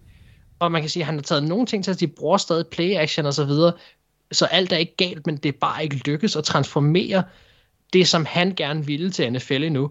Så ja, for mig er Kingsbury i ret store problemer i år. Uh, han skal stadigvæk her efter år 3 genfinde sig og omstille sig til NFL.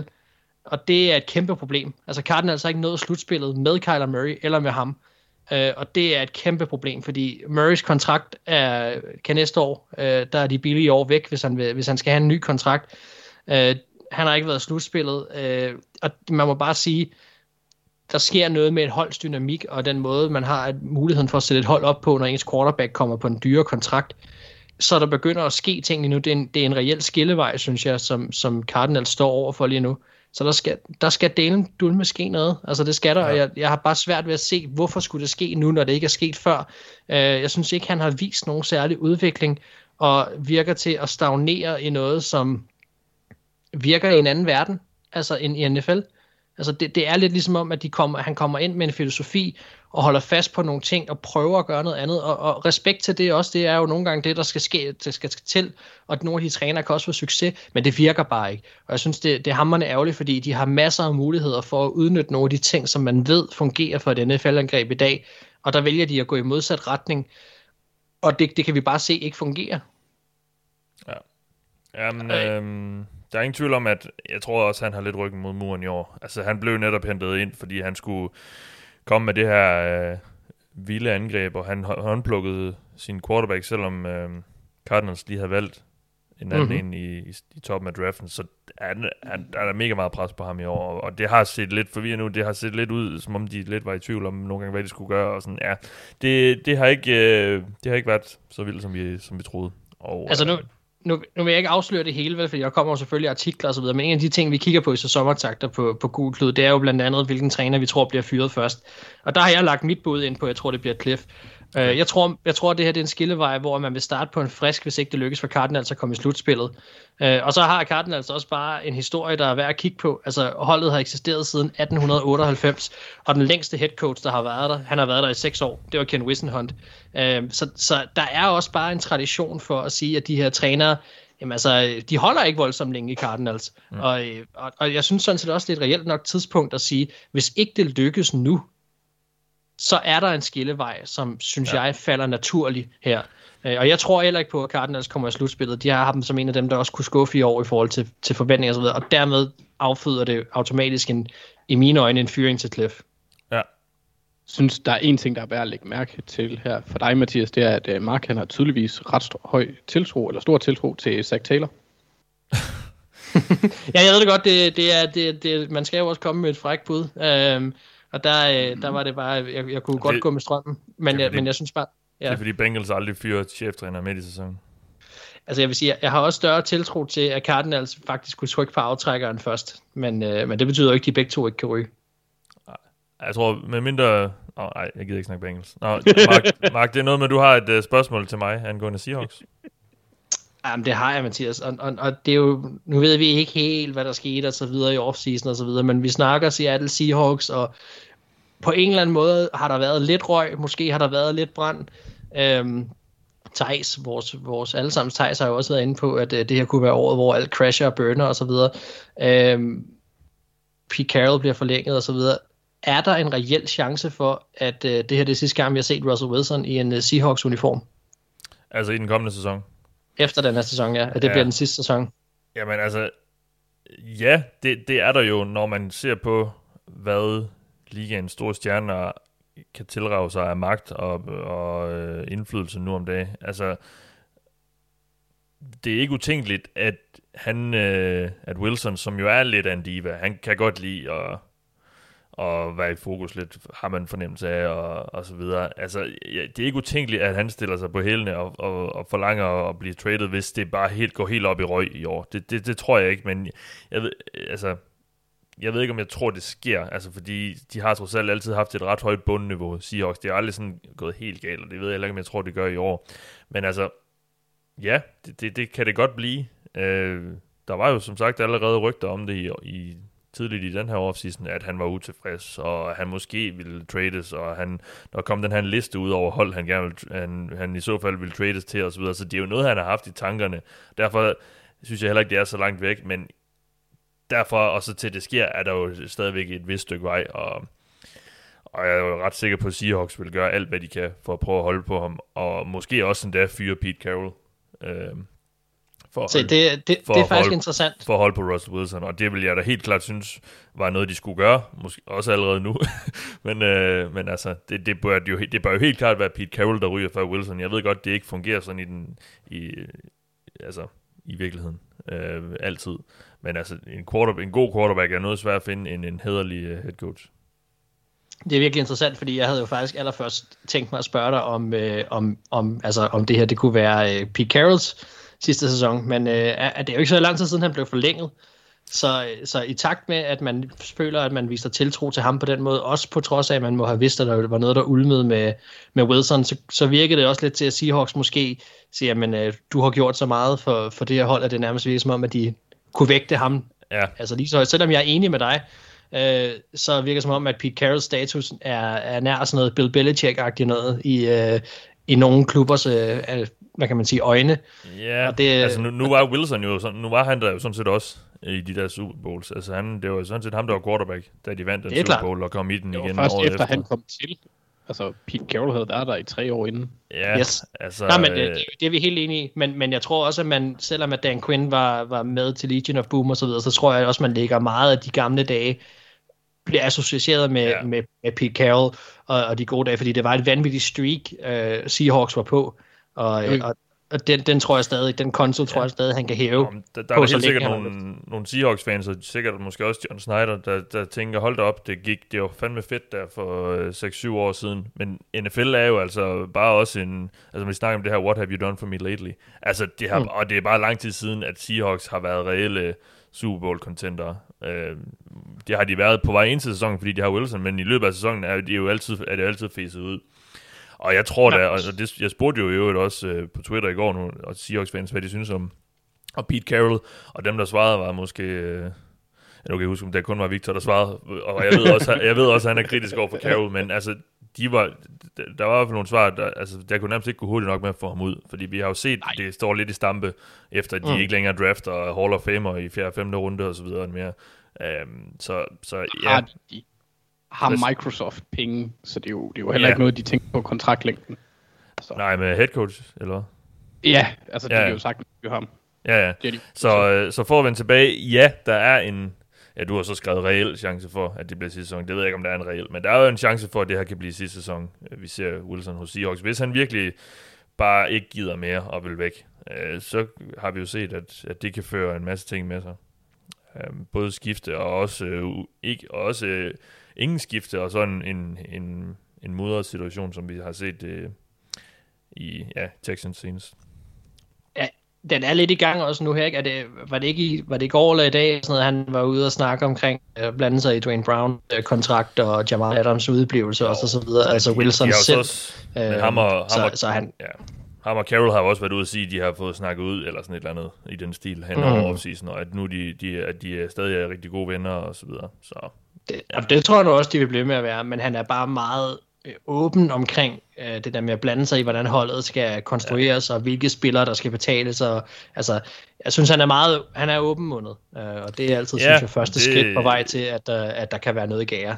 ja, det, det er i hvert fald, en ting er at gå hen til sin GM og sige det, en anden ting er at, at lægge det til, eller sige det til pressen, det er selvfølgelig, det er klart. Det er præcis. Ja. Nå, jamen, øh, det var NFC West. Lad os gå øh, til den anden kyst. Og så alligevel, fordi Cowboys er jo ikke på østkysten. Men de ligger i NFC East. Øh, vi skal dog lige snakke lidt om Philadelphia Eagles først. Anders, jeg har spurgt dig, om Eagles bare skal bruge 2021 på at finde ud af, om Jalen Hurts er fremtidens quarterback. Det var lidt en switcheroo? Ja. Øh, med- Cowboys, så er det lige pludselig til Eagles. Ja. Øhm, altså modsat 49ers, så synes jeg ikke rigtig, Eagles har den store chance for at nå, nå noget i år. Øhm, eller det, det er der i hvert fald mange af os, tror jeg, der vil blive overrasket over, hvis de gør. De har jo selvfølgelig nogle gode spillere på holdet, så hvis Jalen Hurts han viser sig at være god, så kan det jo være, at de kan nå langt, eller, eller nå et eller andet. Men, men jeg har så også, altså, jeg har svært ved at acceptere, at man ikke går ind til sæsonen med målet om at vinde så meget som muligt, og tro på, at det kan lade sig gøre. Øh, men det kan også godt være, at det er bare mig, der har, har forstået spørgsmålet for bogstaveligt, fordi jeg vil sige, at hvis Eagles ikke har en klar idé om, hvem eller hvad Hurts er, så har sæsonen været en kæmpe fiasko. Øh, mm. Fordi han har tre sæsoner tilbage, hvor han er billig, inklusiv den her, så der skal smides, mens øh, hjernen er hot i mat, Mac hot, hot stuff, som man siger i, i Philly. Øh, så så det, det, hvis de kommer ud uden at have svar på det, så, så er det en fiasko af en sæson, vil jeg sige. Men jeg håber da, at de går Ja. ind med... Men de er jo lige i en position, hvor nærmest om svaret er ja eller nej, til om han er fremtidens quarterback, så er, så det er, er det vel nærmest en form for succes, fordi så ved de ligesom, hvad de skal gøre. Ja, også fordi, at der er en risiko for, at de skal skralde endnu mere væk, øh, Ja. ja. og, og virkelig starte forfra næste år også, fordi de har et par aldrende spillere på relativt dyre kontrakter, som simpelthen bare vil være for dyre at fyre i år.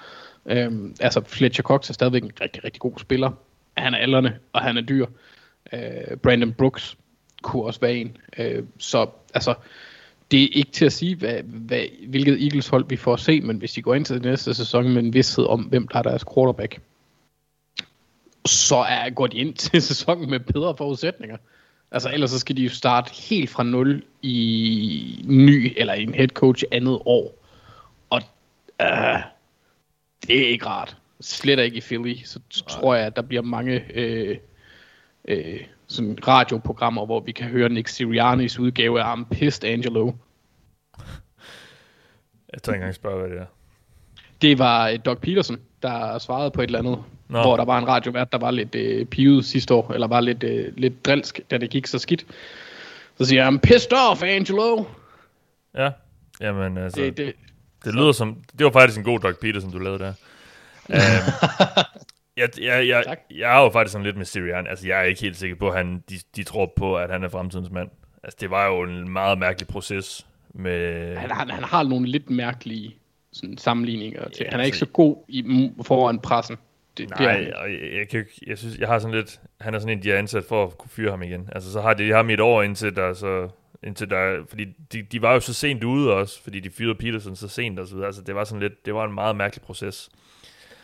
Det, øhm. det var det. Det ville bare være enormt svinsk over for en ung træner. Jeg kan, altså, jeg kan lidt mere ja. acceptere det i David Collins situation, hvor han er oppe i 60'erne, eller hvad, ja. altså, i nærheden, lige får en chance i det i hvert fald, selvom man måske godt ved, at det er et sæde, der er rimelig varmt til at starte ja. på. Men, men ja, ja men, det, det er muligt. Du, du, men, men hvis de nu beslutter sig for at næste offseason bare vil øh, skralde det hele ned og starte helt forfra med alt quarterback og så videre, så er det nærliggende også lige at tage en, få en ny head coach ind. Helt sikkert, men, men der, der er det der, hvor jeg tænker, at nu, nu hvor Howie Roseman han har sat sine fingre på den her signing også, så tror jeg måske, at det vil være ja. et meget drastisk træk. Eller det ville det være, men jeg tror ikke, det er så sandsynligt. Ja, det han nok også.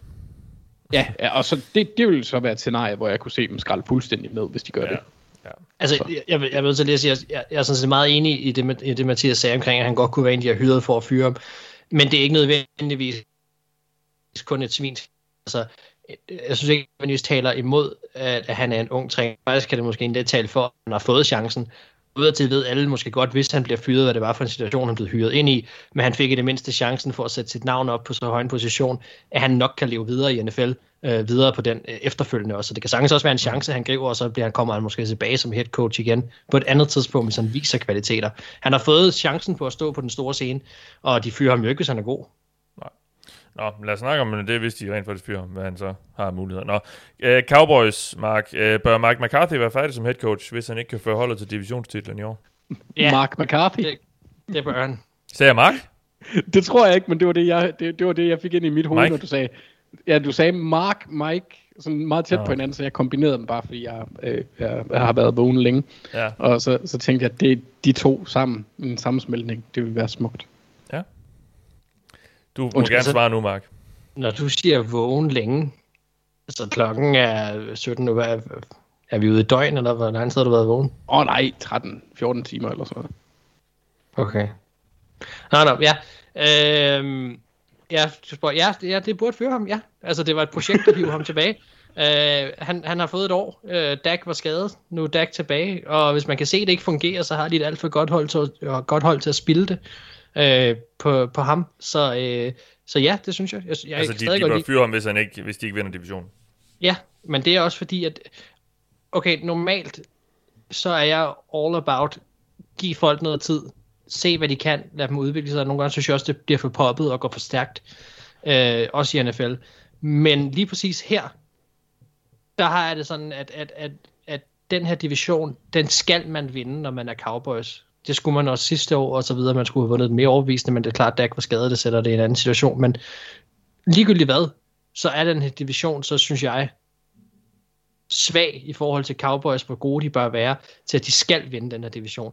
Og hvis ikke han kan magte at føre det her Cowboys-hold til, til en divisionstitel, så, så, er det, så er det sgu ligegyldigt, hvis jeg skal være helt ærlig. Uh, ja. det, det synes jeg virkelig, det er. Og så mener jeg reelt set, at man skal trække stikket rigtig hurtigt, og så sige, at vi har stadig et godt hold, super, vi omstiller os så hurtigt vi overhovedet kan. Fordi det her, det handler ikke om, at man fyrer en træner og går i rebuild. Nej, det handler om, at man fyrer en træner og win now stadigvæk. Altså, Cowboys har sgu for godt et hold øh, til ikke at, at være med i toppen af NFL, når Dak er på banen. Og, øh, og, det, og det skal de bare være. Og ellers så skal man ikke have Mike McCarthy som træner. Ja. Og, det, og det var et projekt at hive ham ind. Jeg kan, godt lide, jeg kan godt lide de to chancen. Man skal også bare kunne trække stikket, hvis man kan se, at det ikke fungerer. Men jeg vil, jeg vil så sige, det det kriterie, der skal være for det, fordi de kan jo godt nå i slutspillet, og så, men jeg synes ja, ja, bare, men, ja. altså baseret på, på divisionen og sådan noget, men hvis det er sådan, at angrebet ikke er øh, meget, meget godt, altså hvis man ikke kan se, at han har en eller anden form for aftryk, så er han jo bare en dyr stedfortræder. Altså, fordi... Ja. Ja, jeg vil altså, stadig sige, jeg vil stadig sige, han, han, han, ja, men det er han, men jeg, jeg tror stadigvæk på, og det er jo så det, det er jo så det, den upside, jeg godt kunne lide ved Mike McCarthy frem for Jason Garrett, det var, at han kommer med en Super Bowl sejr i bagagen, og han kommer med en pondus og en karisma ud til, som, som bør være noget mere gennemslagskraftig, end, end hvad Jason Garrett nogensinde kan komme op med. Og jo, det kan man jeg... håbe på i sidste ende, kan trække noget af det også, men det er klart, hvis, han, hvis, hvis den der tid i laden ikke har været brugt på noget som helst øh, innovativt angrebsarbejde, så er det super ligegyldigt, at han er tilbage i NFL. Altså, hvis man skal tro ham selv i forhold til det, han sagde efterfølgende, han havde jo sagt til Jerry Jones, at han havde set alle deres snaps, så jeg afslørede han sig selv. Det, jeg ved ikke, om det var en joke, øh, og om han bare ville være sjov, at han ikke havde set ret mange. Altså, det kan, han kan også godt være en, der har snøret sig lidt ind til den, sådan lige en, en, en sidste stor kontrakt. For mm-hmm. jeg synes ikke, at der har været ret meget innovation fra ham over de sidste otte år. Nej, og men han, hvis han har en... ser lidt, ja. og, og, og, det, og han har også mistet et hold. Altså, det er ikke, det er ikke fordi, jo, jo, jo, jo, jo. Mike Tomlin eller en, en, nej, en John nej, nej. Harbaugh i forhold til mandskabsbehandling, så der, han skal jo bibringe et eller andet. Ja, men øh, det, det, det kan han godt, men, men, men jeg skal bare, jeg vil gerne se det. Så jeg har også ja. nævnt før, jeg, at, jeg har også nævnt før, at jeg bryder mig ikke om at sidde i den her øh, forsvarssituation for Mike McCarthy, fordi jeg var øh, truttet godt nok stærkt i det horn, der hedder, at han var overvurderet langt til den af vejen i Packers, i hvert fald hen mod slutningen.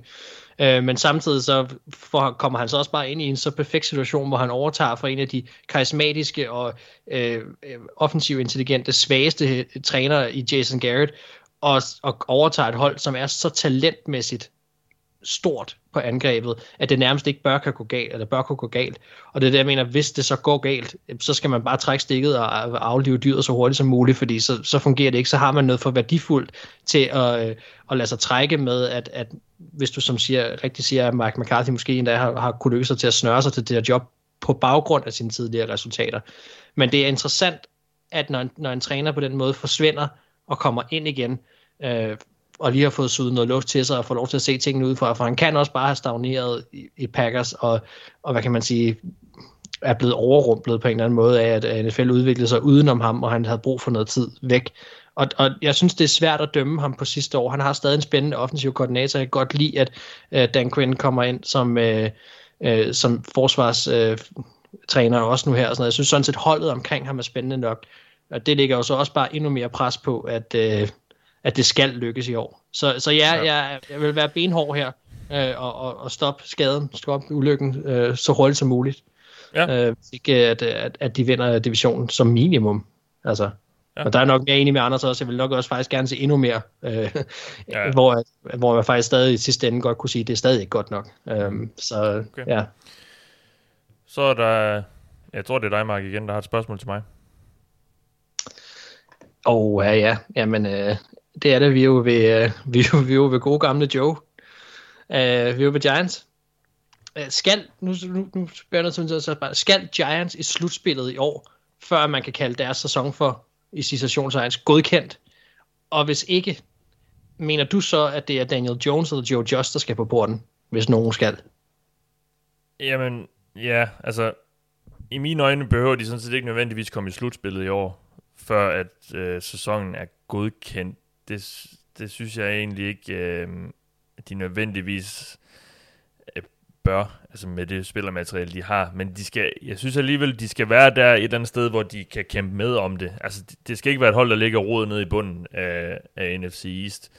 Øh, fordi der er trods alt nogle brækker på det hold her, og der er nogle fine spillere, og forsvaret var også ganske godt sidste år, og, og det ser ud til, Patrick Graham, der er defensiv koordinator, har gang i noget, noget godt der. Øh, så, så de skal kæmpe med om det. Jeg ved ikke, om de synes, de skal med endnu, fordi der synes jeg måske stadigvæk, de, de er lidt fra. Øh, men det hele står jo og falder lidt med, med Daniel Jones. Altså, er han en legit quarterback, eller bare nogenlunde, øh, ikke en katastrofe, så er det jo et hold, der skal... Så, igen, så synes jeg, at de skal kæmpe med om det, øh, og så kan, der, så kan der måske komme nogle flere brækker ind, for at vi skal sige, at de skal være i slutspillet.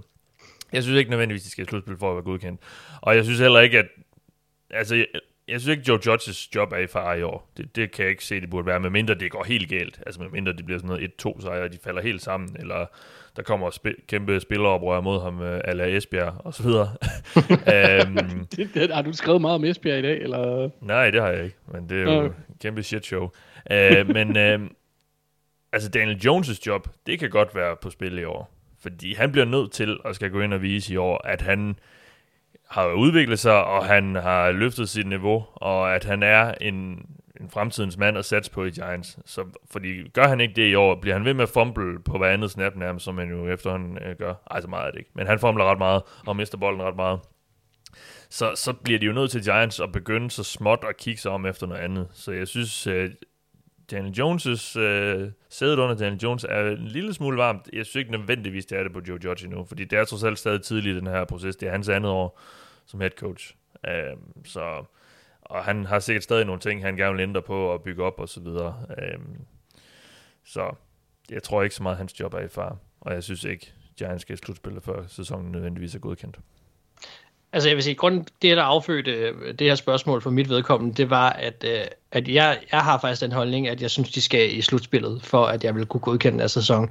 Altså jeg synes, de har investeret så meget i angrebet nu, øh, og igen, nu kan vi med at sige, at, at, at det er en svag division. De, de bliver jo selvfølgelig regnet som et af de hold, som, som måske ikke er, er blandt de bedre, men, men, men det der synes jeg, der, det synes jeg måske ikke nødvendigvis kun er spillermaterialet, men også så mange andre ting, og så selvfølgelig også Daniel Jones, som er med til at trække det ned.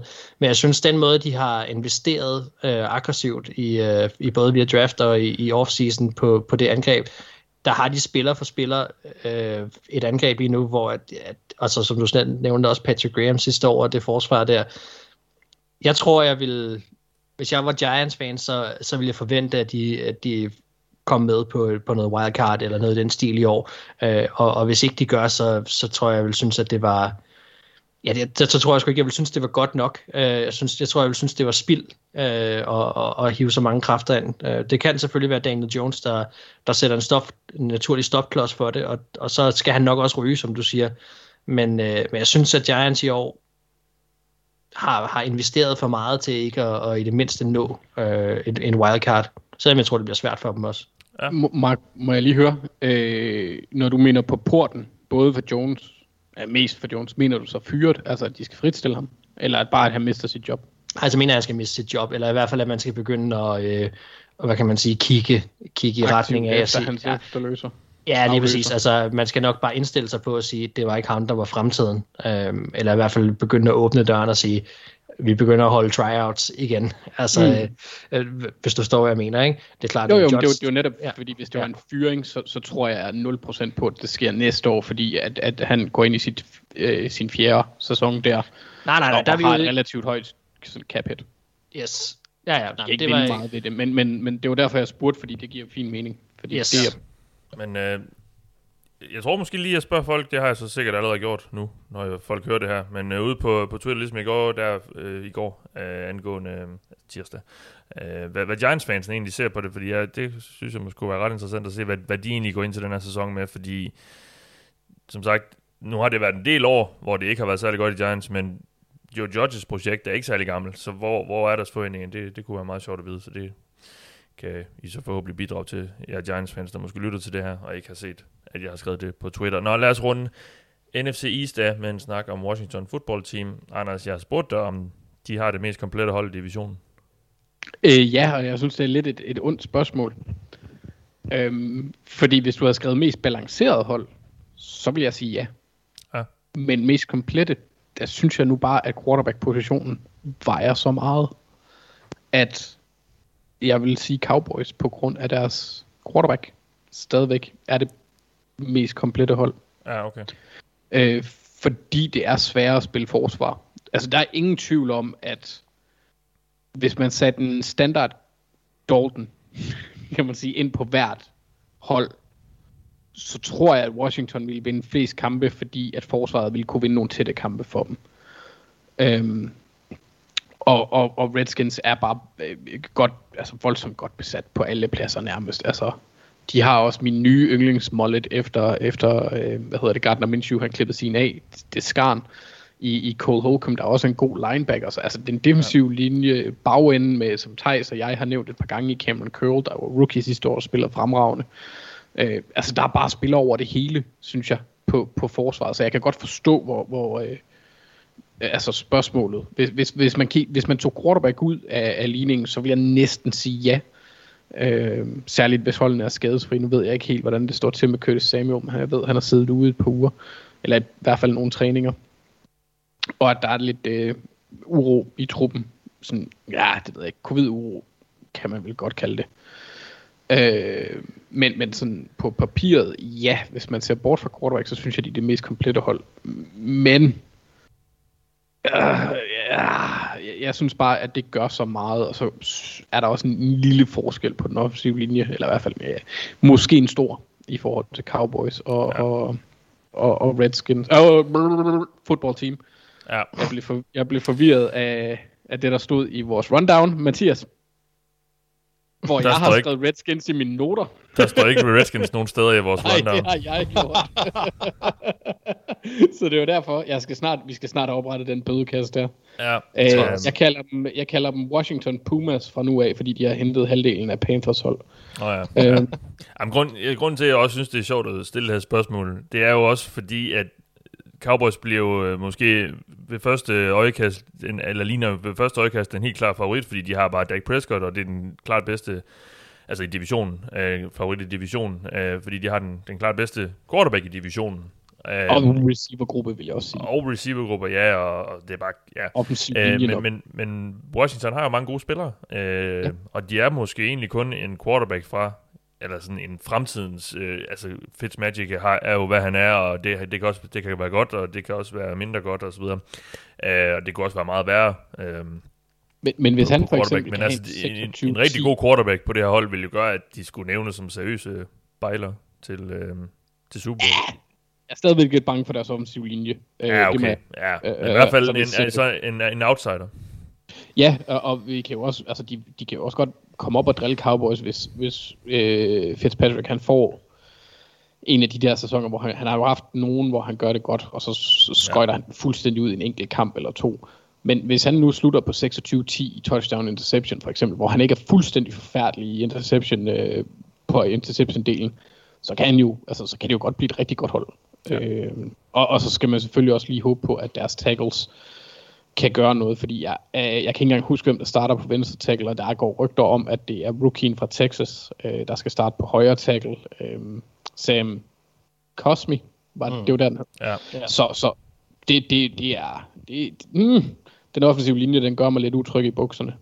Ja, det kan vi ikke have. Nå, så lad os øh, gå til den sidste division. Det er NFC North, og vi begynder i Green Bay, Green Bay med et spørgsmål, som vi måske egentlig allerede har svaret på, Mark, eller hvad? Jeg har spurgt om det er Super Bowl eller boss for Packers. Det snakker vi om lidt før. Ja, det gjorde vi. Du, du lagde jo i, i dit spørgsmål vægt på efter to uh, øh, NFC-nederlag i træk. Um, ja. den, vil den, den ting vil jeg egentlig bare skyde til hjørne, og så sige, det er det er hele situationen omkring, hvordan ja. deres sæson er opbygget i år, som ja. gør, at det er Super Bowl eller bust. Ja, det er jo og det, det, det der også med Last Dance og sådan noget. Altså. Lige præcis. Det er jo det, ja. det er den historie, der gør det interessant. Det er, at det er Rodgers sidste skud og så videre. Altså vi har den der reelle situation, hvor at man kan sige, du har det her skud i bøssen nu, og det er det. Øh, og, og, og når man har en, en spiller af så højt niveau på den vigtigste position, og ved, hvad han kan, kommer fra en MVP-sæson, så er der ikke nogen tvivl om, at øh, hvis ikke han slutter med at vinde en Super Bowl i Green Bay, så slutter eventyret bare ikke godt. Øhm, og det, øh, det er en meget speciel situation. Jeg snakkede også om tidligere, hvor meget jeg glæder mig til at følge den, fordi det, det bliver enormt underholdende at se udefra det her. Jeg tror, det kan som fan blive noget af en rutsjetur, øhm, som kan ende i ekstase, men jeg tror også, den kan ende med, med, et, øh, med et smerteligt øh, farvel. Øhm, så så det, bliver, det bliver en sjov sæson at følge med. Men jo, de her ja. de er et af de hold, hvor at man kan sige Super Bowl eller bust. Det er der ikke ja. nogen tvivl om. Okay. Jamen så lad os gå øh, hurtigt videre. Der er en af jer, der har et spørgsmål til mig angående Lions. Ja, det, det kommer egentlig lidt på baggrund af, at vi øh, at Lions er prygelknappen, som de plejer at være i NFL. Øh, og har også allerede været det i år. Det er også et hold, vi tit selv skyder til hjørne omkring øh, et hold, vi ikke har store forventninger til.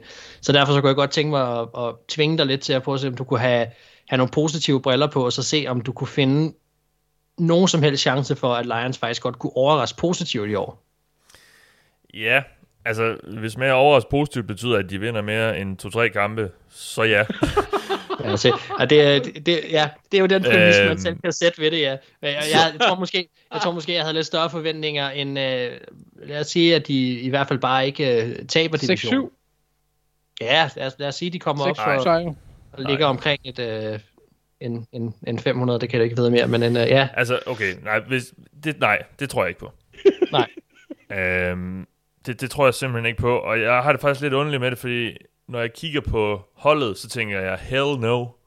Men når jeg så kigger på, jeg, jeg, jeg, jeg ved sgu ikke, jeg, blev, jeg tror, jeg er blevet lidt vild med Dan Campbell. Jeg ved godt, han er, han er skide skør at høre på og sådan noget, men jeg tror bare, jeg tror bare, han connecter med spillerne. Altså det tror jeg, det har jeg en eller anden fornemmelse af. Og derfor øh, har jeg, tror jeg godt, han kan få bygget en, en eller anden god kultur op. Og så er de måske ikke mega langt væk, men der mangler bare virkelig meget på spillermaterialet. Altså, altså som i virkelig meget, og, det, også på trænerstaben. Altså Anthony, Anthony Lynn er offensiv koordinator, altså det kunne jo ikke mm-hmm. være mere uinspirerende og røvsygt. Og Goff er quarterback. og, og, Jared, og så endda med Jared Goff som quarterback, altså helt ærligt. Og de har, øh, de har, de har måske et par fine spillere på den offensive linje, de har i hvert fald Frank Ragnow. Øh, og, men altså, receiver har de jo nærmest intet af. I hvert fald, øh, der er brugbart. Øh, og der er godt nok også langt mellem snapsen på, øh, på forsvaret. Øh, så, så nej, altså, hvis, hvis det betyder, at de skal gå, hvis overrask positivt betyder, at de skal gå, vinde sådan noget 7-8 kampe, eller deromkring, så nej. Det tror hvad, er din best, hvad er din best case så? Jamen, okay, best case er måske sådan noget 5, 6, 7 kampe. 6-7 okay. sejre måske. Altså, så, okay, så, så, så, måske er det realistisk, men altså, det kan jeg bare ikke se. Altså, det er sådan noget best case, hvor Goff lige pludselig ligner en helt anden quarterback, end han har været de sidste par år, og så videre. Uh, jeg kan bare ikke se, at Anthony Lynn skulle få det ud af ham. Jeg ved også godt, der er en quarterback-coach og så videre, men altså... Ej, altså, Anthony Lynn gør jo nok alt, hvad han kan for at give bolden til running backen, ja. så der er det måske ikke godt, der er så... Uh... Nej, det er det. Altså, jeg, jeg, be, best case, nu, nu får jeg lyst til at sige 5-6 sejre, tror jeg faktisk. Jeg tror ikke, det er det. Altså, ja, det, det, tror jeg er best case. Og det er, og det er også fint nok for Lions, fordi de skal jo ikke vinde i år. Altså, de, de, skal, jo ikke, de skal jo ikke gå efter uh, Super Bowl eller noget i år. Det har de slet ikke holdet til, og det ved de jo med al sandsynlighed også selv. Så det, det, det handler om for dem i år, at bruge, øh, bruge sæsonen på at få fundet ud af, hvilke spillere er gode, hvilke spillere er ikke gode, hvilke spillere skal vi være med, hvilke spillere kan vi satse på fremover. Og så får Dan Campbell om at få, få en god øh, stemning op omkring det her hold. Altså lidt ligesom øh, Brian Flores, som jeg altid kæmper med at sige, øh, har gjort det i Miami, altså hvor det ikke der har det de sidste par år heller ikke handlet så meget om, de skulle vinde, men om, at de skulle få bygget en god kultur op, og det er han jo så lykkes med dernede, og det er nok også det, den Campbell vil forsøge her i år, måske også næste år med Lions. Men, ja. men jeg, vil, jeg vil, nu er det jo ikke spørgsmål stillet til mig, men jeg kan godt se et scenarie, hvor det faktisk kan lykkes dem, hvis, fordi de har en offensiv linje, der kan blive rigtig, rigtig god ja. med, med tilføjelsen af Penny Sewell, øh, som Frank Ragnar er der, Taylor Decker, øh, Johnny Jackson var fin ja, sidste år. Ja. Øhm, og den, det, altså, forsvaret kan virkelig lave nogle hop, hvis der sker nogle ting. Øh, på, altså den defensive linje, der tog de to spillere i, øh, i, i tidligt i draften i år, i Ali McNeil i tredje runde, og Levi Wusurike, der var den i anden runde. Mm-hmm. Og så skal vi måske også se, hvad sker der med Jeff Okuda? Ja, det skal Han var i hvert fald. sidste år. Men han blev trods alt taget i top 3, ikke? Og hvis de kan få noget ud af ham, og det er med Aaron Glenn, der er tidligere cornerback i NFL, som uh, defensiv koordinator, så hvis nogen kan få noget ud af ham, så er det ham.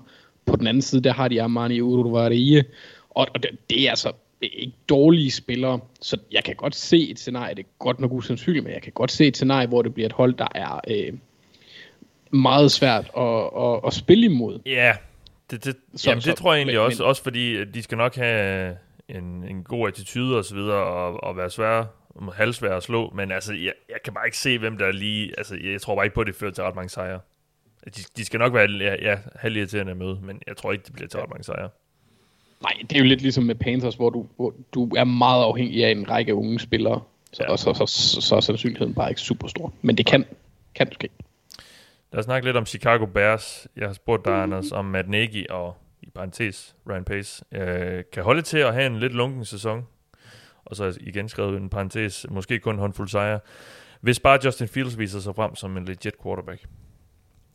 det, det kommer lidt i, i min optik kommer det lidt an på, hvad baggrunden er for den præstation. Altså hvis han viser sig som, som en, en legit Tænk, tænk på, så lad os sige Joe Burrow sidste år. Altså noget af det, hvis han viser tydelige tegn på at være en rigtig god quarterback.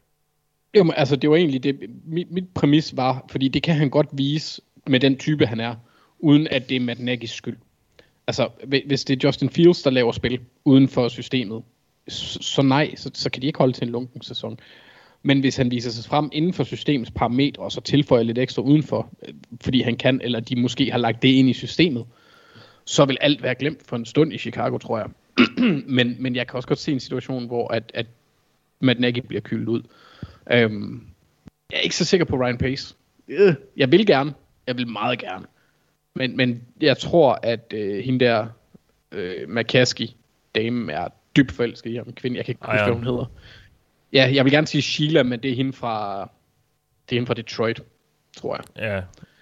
Øh, jeg kan ikke huske, hvad hun hedder. Øh, mm, hende, der ejer ja, øh, hvad hedder det? Bears. Bears. Ja. Det virker til, at, at, at ledelsen der, øh, ejerskabet, er ret glad for Ryan Pace, for ellers burde han jo være kyldet ud for længst. Men, men ja, altså, jeg tror, jeg tror godt, at vi kan komme i en situation, hvor at Justin Fields viser nok til, at man tror på ham, men ikke nok til, at det er godt nok til, at Nagy han kan fortsætte. Fordi jeg, jeg, jeg har bare lidt på fornemmelsen, at han står meget tæt på kanten, og, ja. og, og venter lidt, altså, man kan, der, der skal ikke en ret stor brise til, før han falder ud over. Og selv hvis Fields viser sig frem som en, en ret god quarterback, men det ikke bliver til de store resultater, så, mm. øh, så er han jo også et godt trækplaster at have, når man skal ud og lede efter en ny head coach. Ja, og det er også derfor, jeg mener det der med, at hvis han viser sig frem, så skal det også være på baggrund, baggrund af nogle af de evner, som Matt Nagy han har. Ja, det er det, jeg øh, mener. Altså, ja, altså det, det skal ligesom... Øh, altså, det kan, det kan stadig godt... Øh, det kan stadig være fornuftigt at fyre Nagy, selvom Fields viser sig øh, frem, godt frem. Ja, altså, altså nu, nu har der jo været meget snak om... Øh, åh, øh, offensiv koordinator for Chiefs. Øh, Eric Bieniemy. Tak. Jeg, jeg skulle til... Jeg, Erik kunne huske, men det andet var ikke med. Men altså, altså, han vil jo være en oplagt mulighed. Altså, der er nogle træner. Nej, ham skal vi have i Cincinnati. Åh oh, ja, det er rigtigt. Ja. Hvad med Joe Brady? Kan I, vil I ikke heller have ham? Nej, Nej det lige, men der er nogle navne ja. derude, hvor det giver ja, ja. mening for ja. hvor, altså, hvor, og, og fordi Chicago er sådan en traditionsrig klub, eller et hold, så, så kan de jo godt lokke nogle af de der større navne til, så, så det vil give mening, hvis det er sådan, at, at det ikke lige helt lykkes. Men jeg ja. tror også, at de skal gøre en del, for de var trods alt i slutspillet sidste år. Jeg kunne ikke forestille ja. mig, at de tager sig til, det, til takke med mindre end det. Også fordi Vikings jo er pissring i år. Nå, det, er dem. det var bare gas. Det var bare gas. Det var bare for at lave en segway. Ja, ja det, er fint, at du lige vækker, det er fint, at du lige vækker mig, inden jeg sikkert skal sige noget igen om lidt. Så det er okay. Det er dem, vi skal snakke om nu. Det sidste hold i denne omgang, vi skal vende. Og øh, ja, Minnesota Vikings, Mark, det er selvfølgelig dig, der skal svare på et spørgsmål for dem om dem, fordi du er fan af dem, og jeg har spurgt om sædet under Mike Zimmer er ved at blive en lille smule varmt. Uh, Mathias, jeg tænker mig at svare, at det bør det i hvert fald være.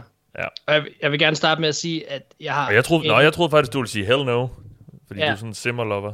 Mm, ja, men det kan godt være, du bliver overrasket så, for jeg vil godt starte med at sige, at jeg har enormt meget respekt for den trup, som Zimmer har sammensat i den tid, han har været head coach. Så vil jeg til gengæld også sige, at folk er meget hurtige til at sige, at Kirk Cousins ikke kan præstere i de store, i de store kampe. Og jeg vil gerne prøve at vende den lidt om, eller i hvert fald måske trække det lidt op i helikopteren, og så kigge på det, og så sige, omvendt har Simmer bare heller ikke fået nok ud af den kvalitet, der har været samlet i hans tid. 215, det var ikke hans skyld, blev Wars ved siden af, sådan er det. 217, stjerne godt år, men igen, så når Vikings er tabt, eller er rådet ud, så har de altid lignet et hold, der var meget ringere, end hvad de burde. Altså, de har ikke virket klar i de her kampe, de er tit blevet outcoached, når det galt. Øh, og det synes jeg faktisk er gået lidt under radaren. Og ellers har Simmer måske været heldig i, at der, han har kunne gemme nogle af de der ting lidt bag en masse Cousins haters eller brændte field goals. Så jeg vil sige ja. Altså hvis Vikings ikke når slutspillet i år eller ryger ud i første runde, så bør man i Minnesota tænke på, om man ikke har fået det bedste ud af det Simmer, han kan. Hvilket også er i mit optik over middel godt, men som måske bare, man må bare nå til en anerkendelse af, at det er ikke nok til at vinde en Super Bowl som er det staten og dens fans øh, har hungret efter, jeg ved ikke hvor lang tid nu. Øh, når det er sagt, så synes jeg, at Simmer har enormt mange fine kvaliteter, jeg enormt godt kan lide og sætter pris på.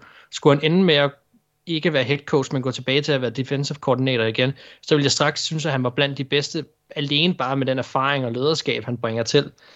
Men hvis ikke det lykkes i år at vinde en Super Bowl, så synes jeg, det er på tide at sige, okay, det blev så ikke med Simmer, at vi vandt en Super Bowl, og så må man starte videre med en ny head coach og nok også en ny quarterback, når den tid kommer. Ja, okay. Og du vil også være lidt træt af ham quarterback, ikke? Ja, jo, altså lige nu er jeg enormt træt af ham. Uh, og jeg, jeg synes jo lidt nogle gange, jeg påtager mig en rolle, hvor jeg forsøger at prøve at tale lidt positivt omkring ham, fordi der eksisterer enormt mange Cousins haters, hvad angår hans spil uh, og mange andre ting. Men, men lige nu er det enormt svært at forsvare ham, for jeg er bare øh, sindssygt træt af ham, uh, hvad angår alt det her covid-snak. Det er, det er virkelig svært lige nu for mig at adskille de to ting. Jeg, ja, det er, det er virkelig irriterende. Ja. Kender det. Ja, det kan jeg godt. Ja, det må du gøre, ja. Ja, han, øh, han har heller ikke fået mm. vaccine. Det er der mange, jeg tror, det var, jeg tror, det var Anders, der skrev det på Twitter også, at forskellen sådan set bare er, at, at Kirk Cousins øh, åbenlyst taler, svarer dumt på de spørgsmål, der kommer, når han bliver spurgt ind til det, og Lamar ikke siger noget rigtigt. Øhm, Hvad mener han, han, Hvad mener han har været ude at sige noget nu, men, ja. men han er meget mere... Øh, altså, ja, han har bare en personlighed, der gør det bedre. Yes, jeg, jeg, jeg, jeg, jeg, jeg, jeg synes, det der med plexiglassen, det var da... Det var da, hvad hedder sådan noget? Det er, det er, det er så vanvittigt et projekt. Opfindsomt. Altså, jamen, det er fuldstændig vanvittigt projekt. Altså, at, øh, jeg, der var lige et øjeblik, hvor jeg sådan forestillede mig hele Vikings, øh, deres øh, organisation, var indhyldet i det her plexiglas og gange, som han skal gå særligt igennem og øh, sidde i de der bokse. Og, altså, man prøver, det er, øh, det er jo et, et vanvittigt projekt. Altså, han er en klovn ud, ud over alle grænser, og det er ja. super ærgerligt, at, øh, at han ender i sådan nogle situationer. Øhm, ja. det, det må man bare sige. Det er nu ikke fordi, det skal så også sige, tidligere er det ikke fordi, det har været hans personlighed, der har vundet særlig meget indpas hos mig. Der, der Ej, tror jeg, meget vi, ja. Ja, og meget, og meget kristen også, og sådan noget. Der tror jeg nu nok, at vi er, ja. vi er lidt forskellige, hvad angår de ting. Uh, men, Mark, men, inde, inde i den der gang med plexiglas, der skal der, der, skal der kun spilles Kanye's uh, Jesus Walks sang. Jamen, jeg har sagt, der kommer Trevor Lawrence's playliste på, den får han lov til at låne så kan han få lov til at høre den, mens han vader rundt derinde. Ej, men det er forfærdeligt. Der kunne garanteret ja. også komme sådan noget rigtig tag i lys. Det er der altid på sådan nogle kristne ting, der er sådan noget tag i lys. Nå, så. lige meget. Øhm, ja, så Simmer burde han er, er, er varmt. Det synes jeg jo, det burde være. Nu spurgte jeg kun, hvad ja. jeg selv, nu, nu svarede jeg kun, hvad jeg selv synes, om ja. det reelt er det. Øh, det, det er faktisk lidt mere tvivl om, fordi at, at han er en svær brik at rykke, fordi han er en enorm stor personlighed, og, og virkelig har mange gode, sådan over middelkvaliteter. Men en opfordring for mit vedkommende vil da klart være, at, at man begynder at kigge mere fokuseret på en Super Bowl og siger, er det noget, vi tror på kan lade sig gøre nu? Og, og så hvis ikke det kan lade sig gøre i år, så, så tror jeg ikke på, at det kan lade sig gøre. Nej. Og det må de også bare indse, at, at, at det kan det nok ikke, og så skal sædet være varmt, fordi så er der ikke nogen, der er ikke nogen grund til at gå på banen, hvis ikke man kan vinde Super Bowl. Tak for det. Og øh, så har vi jo sådan set været igennem alle 32 hold. Vi har stillet et spørgsmål til hver og kommet med et svar til hver. Hvis du ikke øh, allerede har gjort det, så kan du gå ind og høre programmet fra sidste uge, hvor vi vinder AFC-holdene.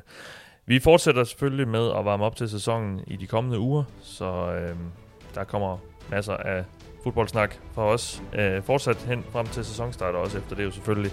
I denne omgang der har du lyttet til mig. Jeg hedder Mathias Sørensen, med mig har haft Mark Skafte Våbengård og Anders Kaltoft. Vi lyttes ved.